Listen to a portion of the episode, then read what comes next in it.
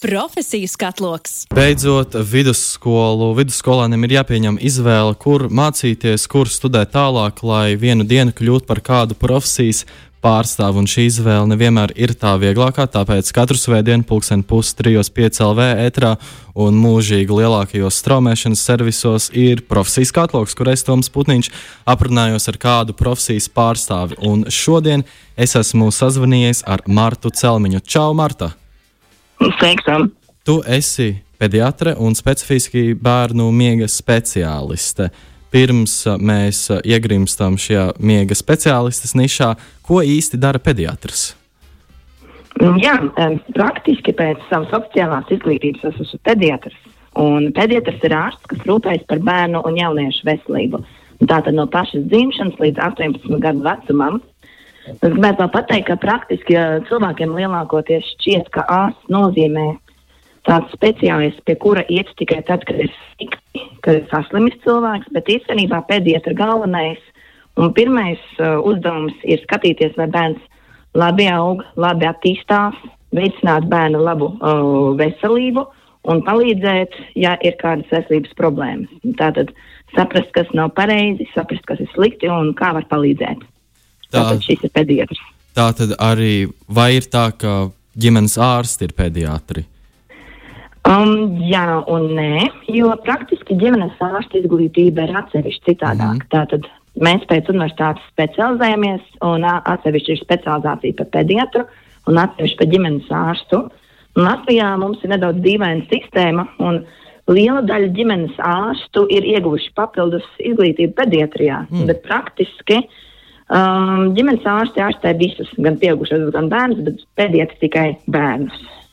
Un, bet tās divas atsevišķas izglītības. Labi, un tu esi bērnu miega speciāliste. Jā, kā, tā kā. Kā tavs darbs atšķiras no parastā pediatra ikdienas?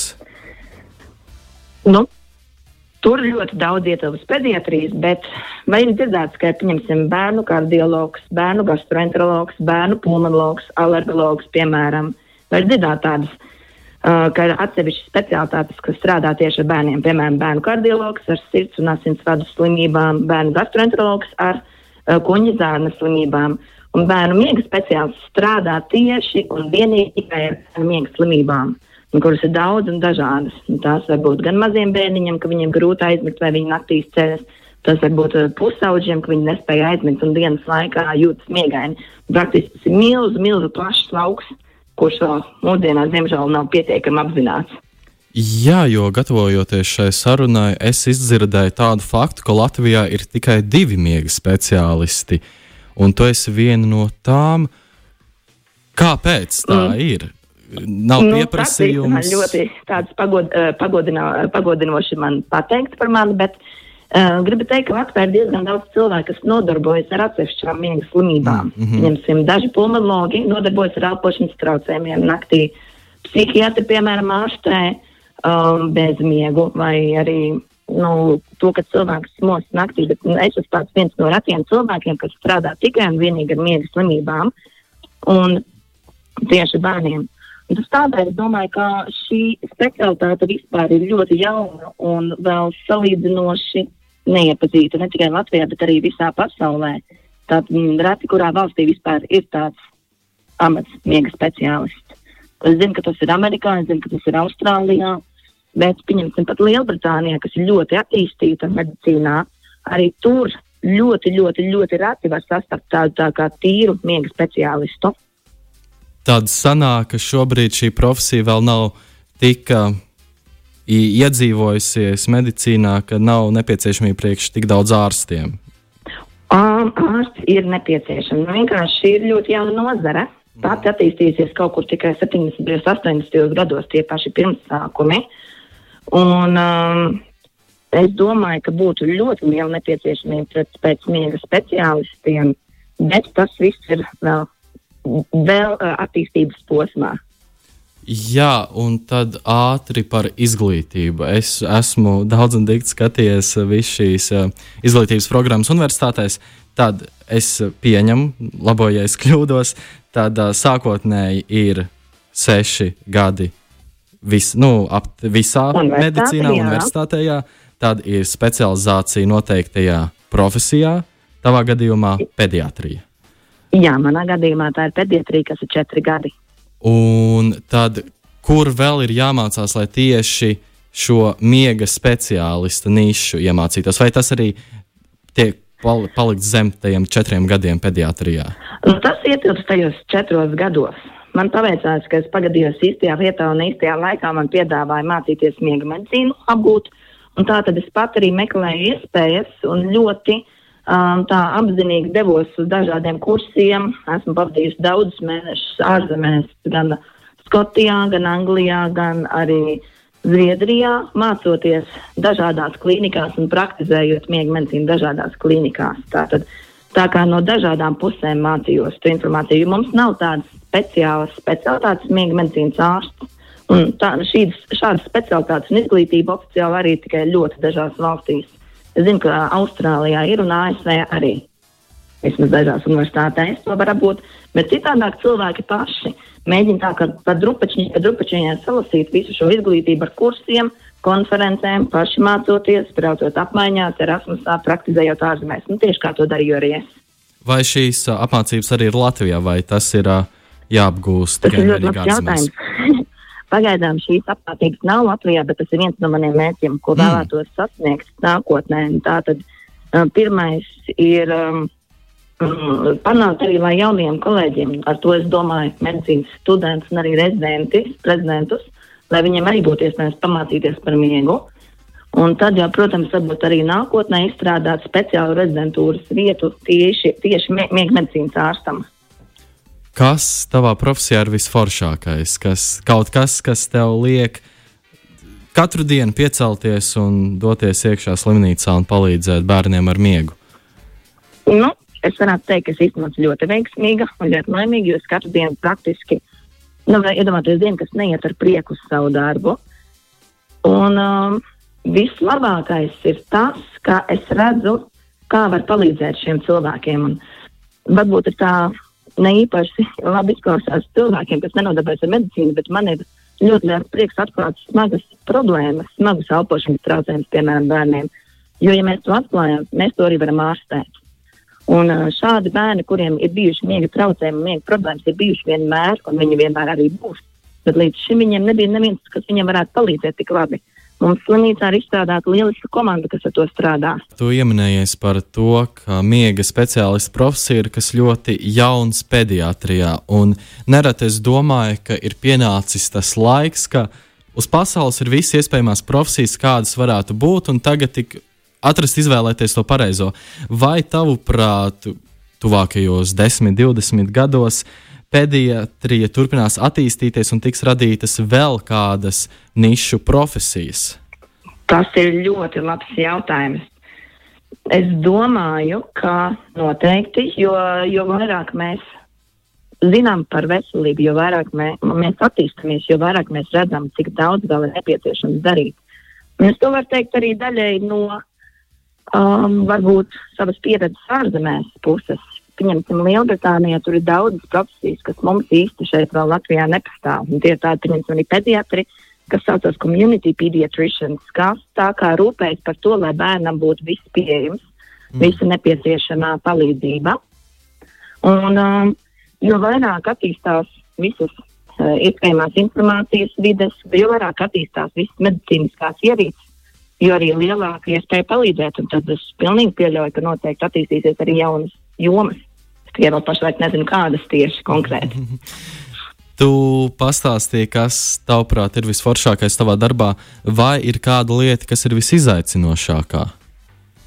Jā, izaicinājumi ir noteikti, tādi ir daudz. Nevienmēr izaicinājumi slikti. Man viens liels izaicinājums, kas, eh, kas īstenībā ļoti pašai patīk, ir tas, ka ir iespēja attīstīt veselu medicīnas nozari. Tātad tas ir atkarīgs no manis, cik ļoti straujiem soļiem mēs iesim uz priekšu, cik labi man sadzirdēs pacienti un uh, cik labi man sadzirdēs citi me medicīnas cilvēki.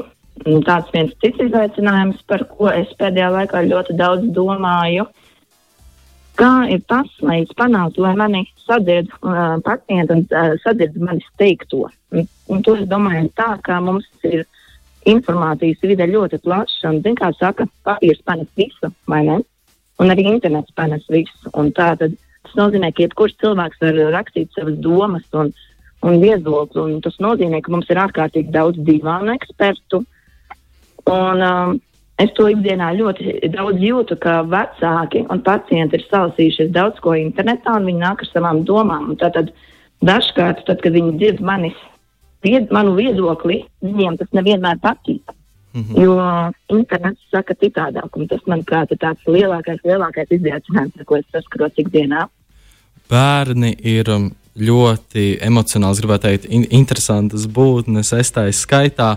Tāpēc jau arī ir pediatri, kuri paši, kuru specifika ir tieši bērnu aprūpe. Kā tavā pieredzē ir strādāt ar bērniem? Uh, kaut kā pasniegt informāciju, lai viņi nebaidītos no tevis? Nu, jā, tas ir arī tāds pilnīgi vesela māksla. Jo es esmu novērojis, ka, pieņemsim, ka mums uz slimnīcu bērnu slimnīcu praksē atnāk pieaugušo ārstiņi. Manuprāt, citreiz jūtas pilnīgi kā izmesti no laivas. Un tev kā bērnu ārstam jāmāk runāt mierīgi. Tev jāmāk uzdot jautājumu, varbūt pat pilnīgi uzdot trīs jautājumus, lai dzirdētu vienu atbildi, ko pieaugušiem pietiktu uzdot vienu jautājumu. Jāzina jaunākie multiņu varoņi, kaut kādas visas šādas lietas, kas bērniem ir svarīgas. Un jāprot prasīt pareizā, pareizās lietas. Atceros, reiz pie manis uz vizīti atnāca viens degadīgs puisis, kas redzēja murgus naktī, un tad, tad mēs ļoti, par lai man nebija nākamais pacients atnācis, tāpēc mēs veselu stundu varējām runāt, un tad viņš man rādīja YouTube visus video, ko viņš skatās par ģimdeņiem un, un briesmoņiem un tam līdzīgi. Un jāprot tādā pašā līmenī ar bērnu komunicēt. Tas izklausās manuprāt, ir svarīgākais.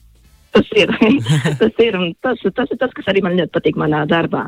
Bērni lielākoties ir pilni ar prieku. Viņiem nav, uh, viņi lielākoties ir saslims, tu viņiem palīdzi, viņi izdevļojas un viņi turpina augt un attīstīties. Un tas ir tiešām ļoti skaisti. Un dažkārt arī atceros no savas prakses, atnāca man uz uzņemšanu viens bērniņš, kurš ir ļoti saslimis.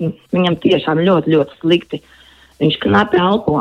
Un es viņam prasu, kā tu jūties? Viņš tā knapi atbild, labi. Pieaugušie nekad mūžā neko tam līdzīgu neteikt. Un noslēgumā ir daudzas medicīnas profesijas. Tiešām ļoti plašs klāsts. Kāpēc tieši tu izvēlējies kļūt par pediatri, un vai tev ir kāds ieteikums jauniešiem, kuri apsver studēt šo profesiju, uh, izvērtēt, vai tas tiešām ir tas, ko es gribēšu? Nu jā, kā jau tu pats teici, ir diezgan daudz gadu jāpazūd, lai izglītotos. Un, ja godīgi, mans pirmais plāns tiešām nebija pediatrija. Vispirms ir plāns aiziet uz medicīnu. Un to lielākoties cilvēki dara, ja viņi pazīst kādu vai viņiem ir ģimenē ārsti. Man tas gadījās pavisam netīšām, ja es sāku, mā, sāku mācīties psihologos. Man bija bērnu asinīm, un anatomijas stundā skolā es sēdēju aizsēgusi uh, vienu acī, man blakus bija plakāts ar cilvēka muskuļiem, ja, un to es nevarēju skatīties. Un tad sākot mācīties psiholoģijā, man bija tāds viens klikšķis, eju, jāiet uz medicīnu. Tātad to es gribētu nodot jauniem cilvēkiem tālāk, ka nevienmēr tu aiziesi uzreiz pirmajā, ar pirmo metienu, ar pirmo mēģinājumu uz pareizo savu profesiju. Un tālāk, jau tu esi nokļuvis medicīnā, tev domas mainīsies miljonus reizes par to, kurš lauks ir piemērots tev. Un arī par to nevajag sev pārmest, un to vajag paņemt kā pašsaprotamu. Varbūt tu gribēsies sākumā kardioloģiju mācīties, bet pēc gada es domāju, ka nē, būs ķirurgs. Tas ir pilnīgi normāli. Un tas notiek laika gaitā, iepazīstoties ar šīm nozarēm.